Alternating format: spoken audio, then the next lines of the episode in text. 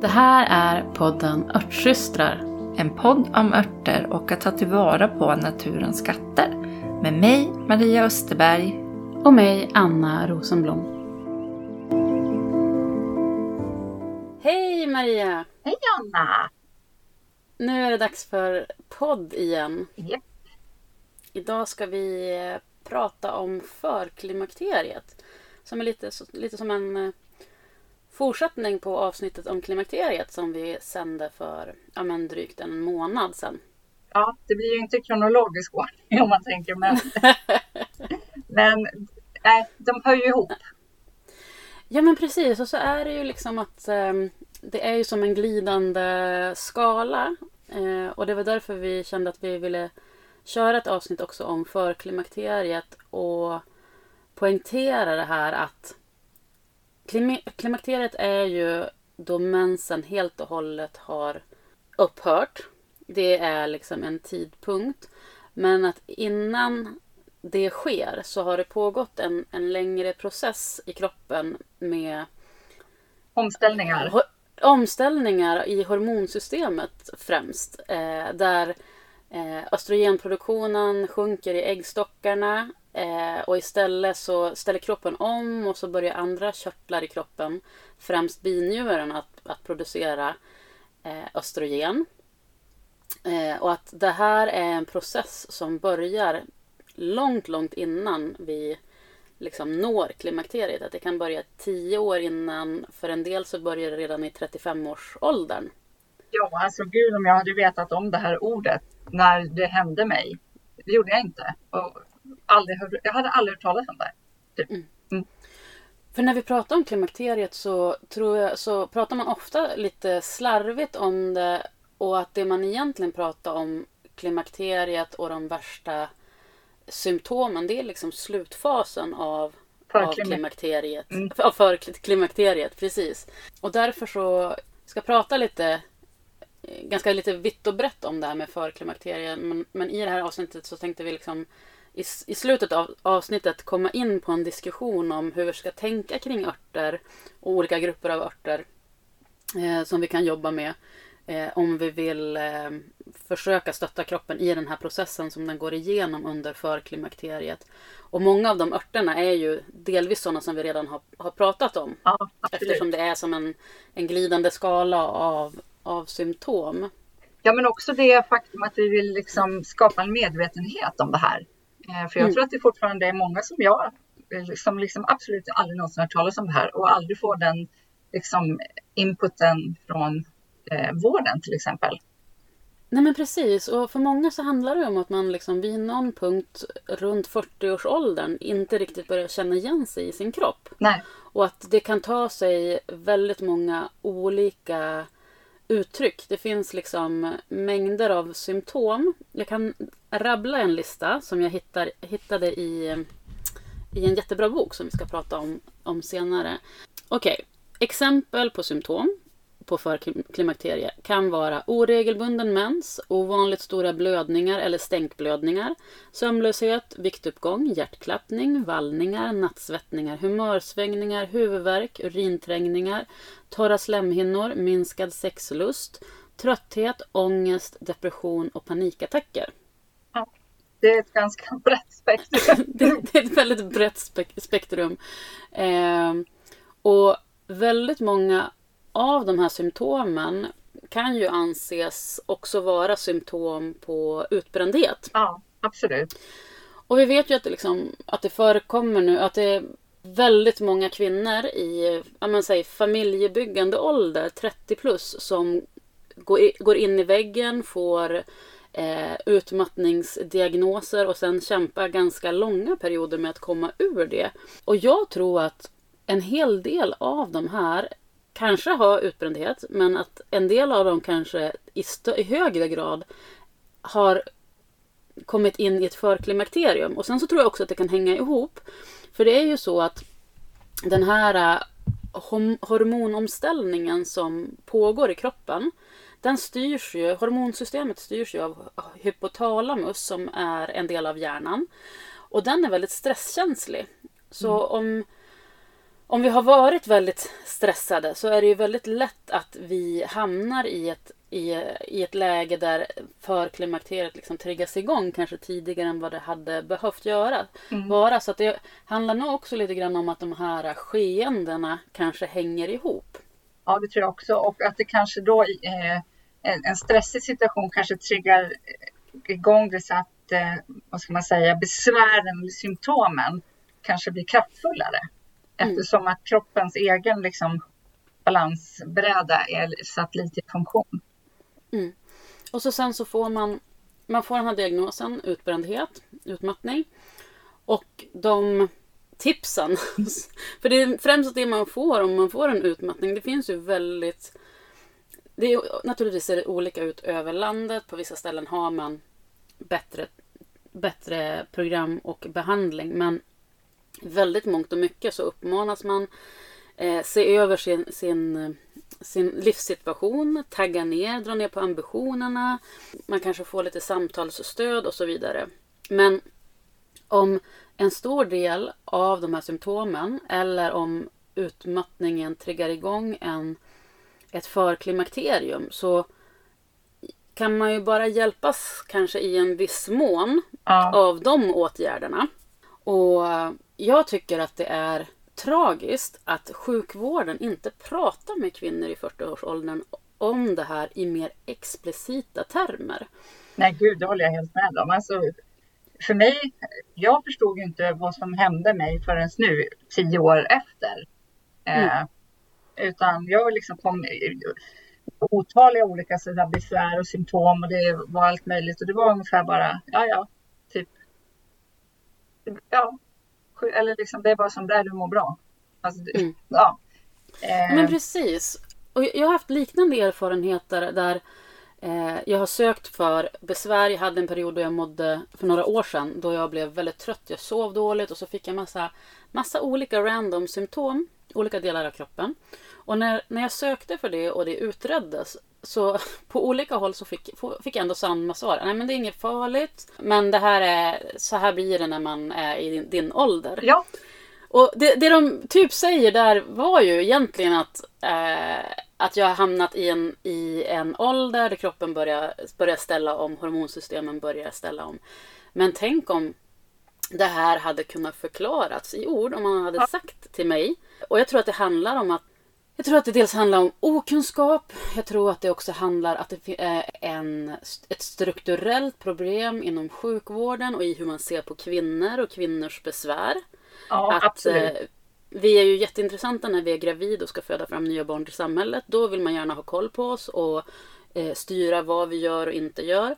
Men så fort ungen är ute så får vi liksom, då får vi rå, rå oss själva med ja, våra, våra kvinnokroppar. Ja, Ja men lite så. Men tänk om de hade liksom, om någon hade kunnat liksom sätta ord på det att, och förklarat att ja, men du, nu är du på väg in i en hormonell omställningsprocess och den kommer att pågå i kanske 10-15 år ja eh, fram till klimakteriet. Och att då är det extra viktigt att till exempel tänka på att stötta sömnen, sova bra, dra ner, att undvika eller att lära dig hantera stress på ett bra sätt eftersom det eh, annars förvärrar situationen. Och så vidare. Och så vidare. Men istället så, liksom, så avfärdas vi och att det, så bara, det här är helt normalt. Eh, du ska, eller, och det, signalen vi får Det är att ja, du, liksom mår typ- som, du mår som skit men eh, det här är som det ska vara och vi, vet, vi orkar inte engagera oss i det. Nej, det är bara bryta ihop och gå vidare. Ja. Ja, Och sen är det ju lite så att det som också är likheter mellan förklimakteriet som, som diagnos eller som, eh, det är ju inte en sjukdom utan som hälsotillstånd och, och diagnosen utbrändhet, utmattning är ju att det är väldigt breda symptombilder. Så att det blir också väldigt komplext för sjukvården att stötta och, och hjälpa. och det finns ju inte ett samlingspiller som kan liksom bara Nej. trolla bort alla de där. Nej men precis, utan man måste jobba holistiskt och man måste jobba liksom både med livsstilsjusteringar och ja, men stötta kroppen på olika sätt. Och då, ja men det blir för krångligt helt enkelt. Ja, det tror jag. Men nu ska vi sluta älta allt som inte är bra i samhället och istället prata om eh, vad man kan, kan göra åt det här. Eh, och vi skulle vilja tipsa om en, en bok som vi tycker är väldigt bra i ganska stor utsträckning. Sen har vi lite synpunkter Ja. på vissa delar av dem. Eh, och det är en bok som heter På väg in i väggen eller bara förklimakteriet av Katarina Wilk. Jag läste den här eh, för första gången, eller lyssnade på den för första gången för när jag mådde som sämst för kanske tre år sedan. Och då hette den eh, eh, Perimenopower tror jag. Sen nu så har den getts ut igen med en, en tydligare tit- titel. Och det är ju jättebra för jag minns att jag var så här förvånad över att jag inte hade hört talas om den där boken tidigare. För den är så väldigt, väldigt bra. Den är väldigt eh, konkret och ger bra strategier som är väl strukturerade för hur man kan ta sig an eh, den här processen för klimakteriet om man har väldigt besvärande symptom. Mm. Och eh, i boken så lägger hon först och främst väldigt stor vikt vid att stötta sömnen och komma till rätta med sömnsvårigheter om man har problem med det. För att det är så grundläggande att funkar inte sömnen så får det liksom spridningseffekter på väldigt mycket annat. Så att det är liksom Ja. Även om man har många... Ja men det är ju A och O. Och även om man har många andra komplexa problem så lägg fokus där först. Eh, sen så pratar hon om eh, kosten. Ja. Eh, återhämtning, nedvarvning. För en viktig pusselbit i det här också är ju att eh, hitta strategier för att hantera eh, ja, men stressen som livet ändå innebär. Det är lätt att vi hamnar i ett läge där vi tänker att vi ska undvika stress. Men eh, Ja. det, det, det blir nästan det är nästan så att det blir värre då. För Ja. vi lever ju i det samhälle som vi lever i. Ja, och det får vi bara förhålla oss till på något sätt. Alltså. Och du, Mm. i, den här åldern så är det ju ofta att vi har barn i skolåren, det är de aktiviteter, alltså det är en ganska intensiv period. Mm. Ehm, så där får man ju helt enkelt försöka hitta saker som funkar. Och ha en Och sen- rimlig förväntansnivå på det hela. Ja, precis. Och att våga... Jag tror att det är A och O att våga hitta liksom sina egna prioriteringar. Och, och, och liksom lära sig att sortera. Vad är det som är viktigt, egentligen är viktigt för mig Mm. personligen. Och vad är sånt som jag bara gör för att det förväntas. Eller, ja. Ja.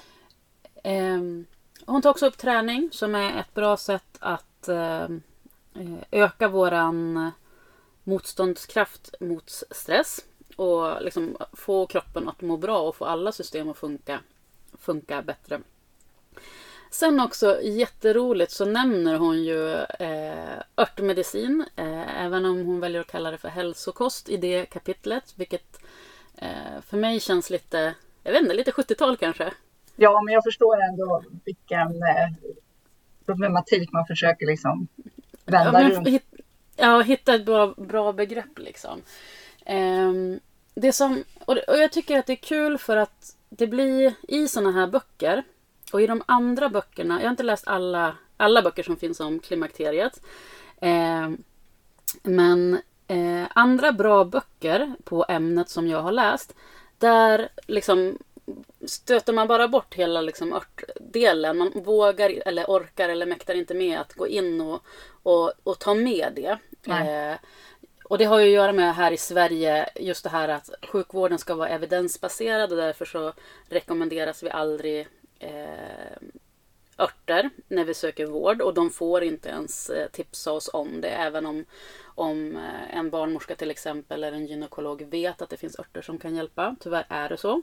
Och den där, den där gränsdragningen, det är ju lite trist när, eh, när man i böcker till och med som, egentligen, som inte är inte, som faktiskt inte är reglerade av den här lagen som säger att all vård ska vara evidensbaserad. Men vi svenskar ska ju vara så duktiga och hålla oss till reglerna så att det blir lätt att den där man vill hålla den här barriären, Ja. eh, vilket är synd. Och det här har vi pratat om i flera avsnitt. Eh, så det är jättefint att Katarina ändå lyfter fram örter. Eh, jag rekommenderar den här boken jättevarmt för alla, eh, alla kvinnor över 40 borde läsa den och ta del av det här.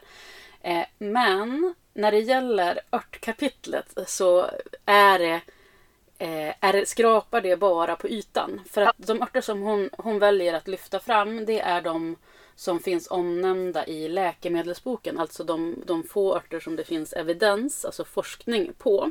Mm. Och det, jag förstår tanken bakom det men det som hon glömmer att ha med i det resonemanget av urvalet är att det finns ju en anledning till varför det inte finns forskning på Ja, örter. Maria, ber, berätta varför. Du kan, inte Är ta, det för att de inte funkar? du kan inte ta patent på örter. Alltså är det ingen som betalar för forskningen för du får inte igen pengarna. Punkt. Och det här är ju liksom något som ständigt tappas bort i diskussionen om örter och huruvida det finns evidens eller inte. Eh, och det är ju som lite galet. Det är som att man, man kollar på världen med pyttesmå kikare och så är det liksom man ser bara det som finns i forskningskikaren och allt annat räknas inte. Nej. Och jag kan tycka att det är lite grann som förr i tiden när, man, när de var helt övertygade om att världen var platt. Det var bara det att det var ingen som hade seglat liksom hela vägen bort och sett liksom bortom, Kanten. och, Nej. bortom kanten. Alltså, forskning är jätteviktigt eh, och jättebra. Men jag tror att det, det vore bra med lite mer ödmjukhet från båda sidor. Ja, det tycker Att- jag också. Att bara för att det inte finns evidens så innebär det inte att det är fastslaget att det inte funkar. Nej. Eh, och det, det vi vet, vi som kan en hel del om örter, som har gått örtutbildningar, som har testat mycket själv, är ju att det finns väldigt, väldigt mycket erfarenhetsbaserad kunskap som är värd att testa och särskilt i sådana här situationer där sjukvården inte ens har någonting att erbjuda oss. Utan det är bara, Exakt. "Ja, men du, är, du är över 40 nu så eh, du får acceptera din roll som kvinna och Ja. liksom lida i tysthet. Packa i dig. Ja. Eh, sen är det naturligtvis alltid viktigt att liksom, ja, men läsa på om örter, veta vad det är man stoppar i sig. Ja, Ehm, och om man äter mediciner, alltså det kan ju bli korsreaktioner. Så där ligger ett stort eget ansvar. Ja. Jag har precis eh, satt ihop en, eh, en guide. Eh, det är en nybörjarguide till eh, hur man använder örter. Men i den så finns det länkar. Eh, dels tips på bra nybörjarböcker om örter. Mm. Och även, eh, jag har även lagt med länkar på till de sidor som jag, webbsidor som jag själv använder när jag vill läsa på om örter och kontraindikationer. Mm. Jag, vi kan länka till det i Avsnittsbeskrivning. Ja, avsnittsinformationen. Mm. Så kan man ladda ner den guiden så får man några, några tips på, på det. Eh, men det vi vill, vill liksom göra i det här avsnittet är att liksom lägga till lite mer örter i det här tänket hur man kan eh, ta sig an för klimakteriet. Och eftersom det är ganska bred, eh, en ganska bred symptombild så menar vi att man nästan måste tänka utifrån grupper av örter och Mm. inte bara plocka enstaka. Och då tänker vi dels nervsystem, nervsystemstöttande och sömnstöttande örter. Mm. Naturligtvis hormonbalanserande örter. Mm. Och sen eh, de här, det här gänget som man ofta pratar om när man pratar om klimakteriet. Nämligen levern tänker du. Det fytoöstrogener. I fytoöstrogener tänker jag. Eh, Ja. Alltså örter med fytoöstrogener. Och så sen sist, eh, det du var inne på nu, Levern. eh, levern. Eh, den eh, är ju ett viktigt utrensningsorgan i kroppen och spelar en, en stor roll för hormonbalansen. Mm.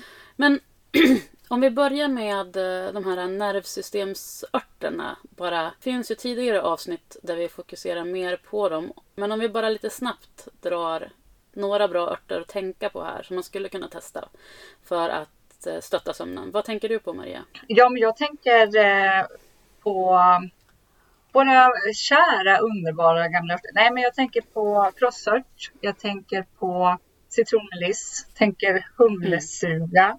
Det är ju det där med valeriana som jag nämnt tidigare. Att för vissa människor får den en tvärtom-effekt. Det är ungefär 5 procent Mm. som det faktiskt eh, inte blir att man sover bättre. Utan, eh, Men eh, det, är här, det är intressant för att valeriana är en av de örterna som nämns i, i boken. Och det som hon menade, för hon upplever att hon fick mycket, mycket hjälp av valerianan. Och att den hjälpte henne fakt- att slappna av. Att Ja, vara, som en kramplösande. Ja, och att hon tog den under dagen främst. För att liksom eh, släppa på spänningar som liksom byggts upp i kroppen. Och att eh, så kan man ju använda eh, nervstärkande örter eh, och som sömnörter. Att det kanske inte alltid man tar dem strax innan man ska gå och lägga sig utan man kan använda dem under loppet av dagen för att hjälpa kroppen att eh, lättare komma ner i varv sen framåt kvällen. Ja, men precis. Jag använder ju Valeriana mer så, som en kramplösande smärtlindring, alltså i den funktionen. Men Mm. sen humle är ju också, den har ju lite grann dubbel eh, effekt. Eh, så Precis, och det är ju så nu när vi... Nu försöker vi liksom gruppa upp det lite grann bara för att förklara hur man ska tänka. Men örterna är ju så här att de, de kan ju aldrig hålla sig i liksom de här ramarna som vi sätter upp. Nej. Utan de, de dyker ju upp i, liksom, i alla de här kategorierna. Och jag tänker humlesuga där också är ju en jättefin ört att liksom jobba med lite mer långsiktigt och att man, man tar under loppet av dagen. ja, precis. Är det någon vi har glömt av de där? Nej, alltså en, eh, en sömnört som verkligen är eh, bra är ju passionsblomma.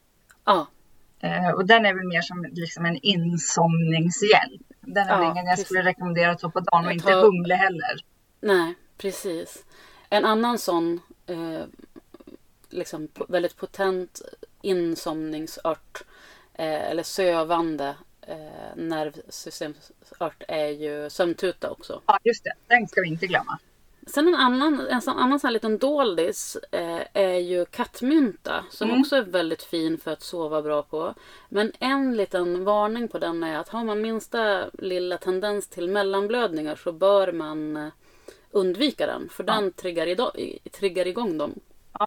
Om vi går vidare till eh, den eh, hormonbalanserande Kvadraten. gruppen, Ja, kvadraten. Vilka, vilka har vi där Maria? där har vi munkpeppar som är en av mina eh, go-to som jag verkligen tycker funkar.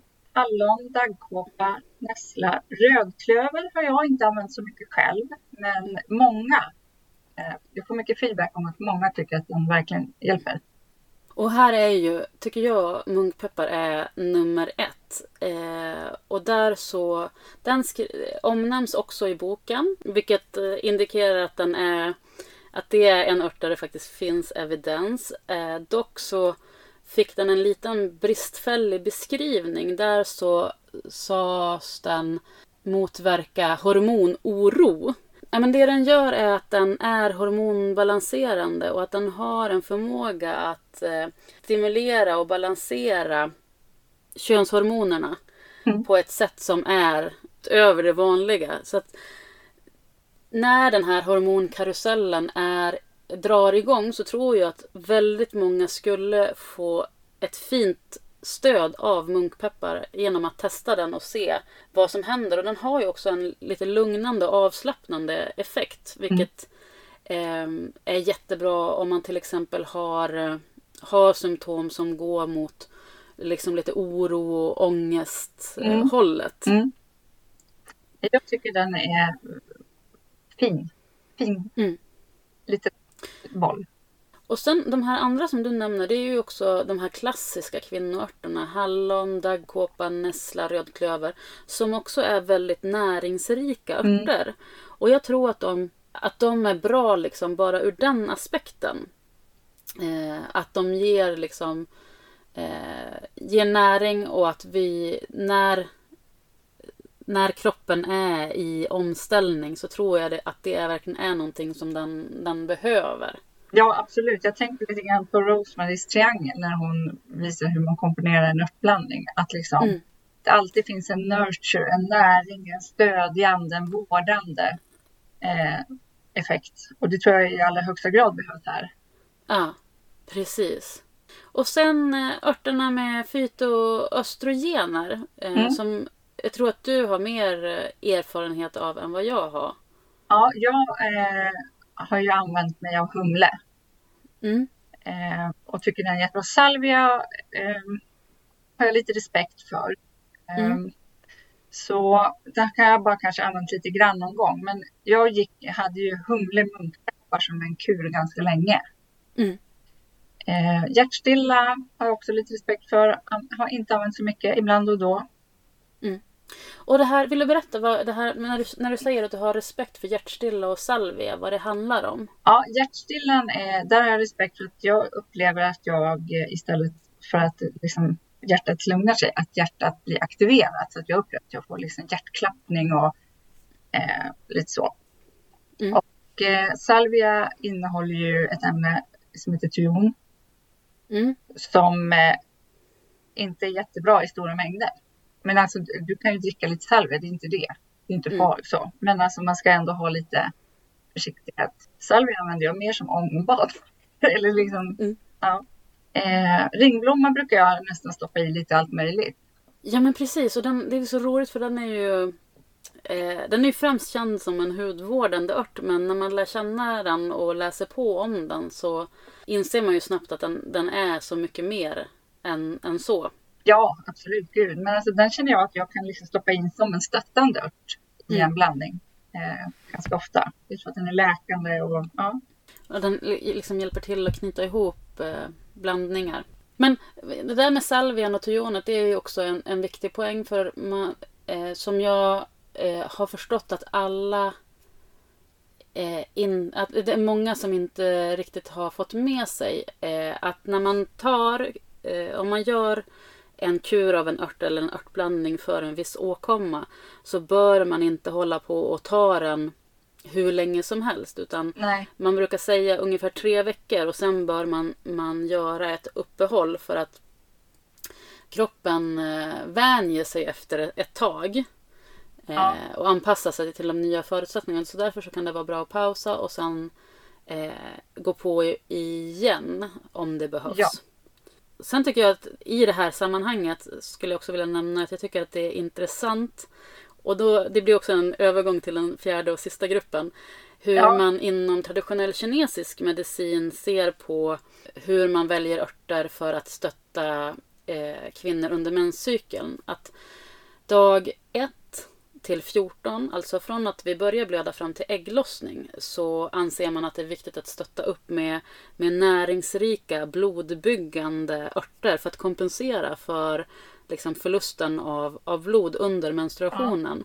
Och det är ju de här som jag näm- vi nämnde tidigare, hallon, daggkåpa, nässla, rödklöver, fantastiska eh, örter. Och så sen från ägglossning och fram till menstruationen så menar man att det är viktigt att stötta levern och hjälpa levern att rensa ut alla de här restprodukterna av hormon, liksom, ho- hormonsvängningarna som sker i slutet av, av cykeln. Och så, det är väldigt intressant och just de där, jag tycker att det är en, ett intressant uppdelning att man, då jobbar man i två veckors liksom, sekvenser och sen så skiftar Ja. man. Eh, och det, jag tror att det är väldigt vettigt.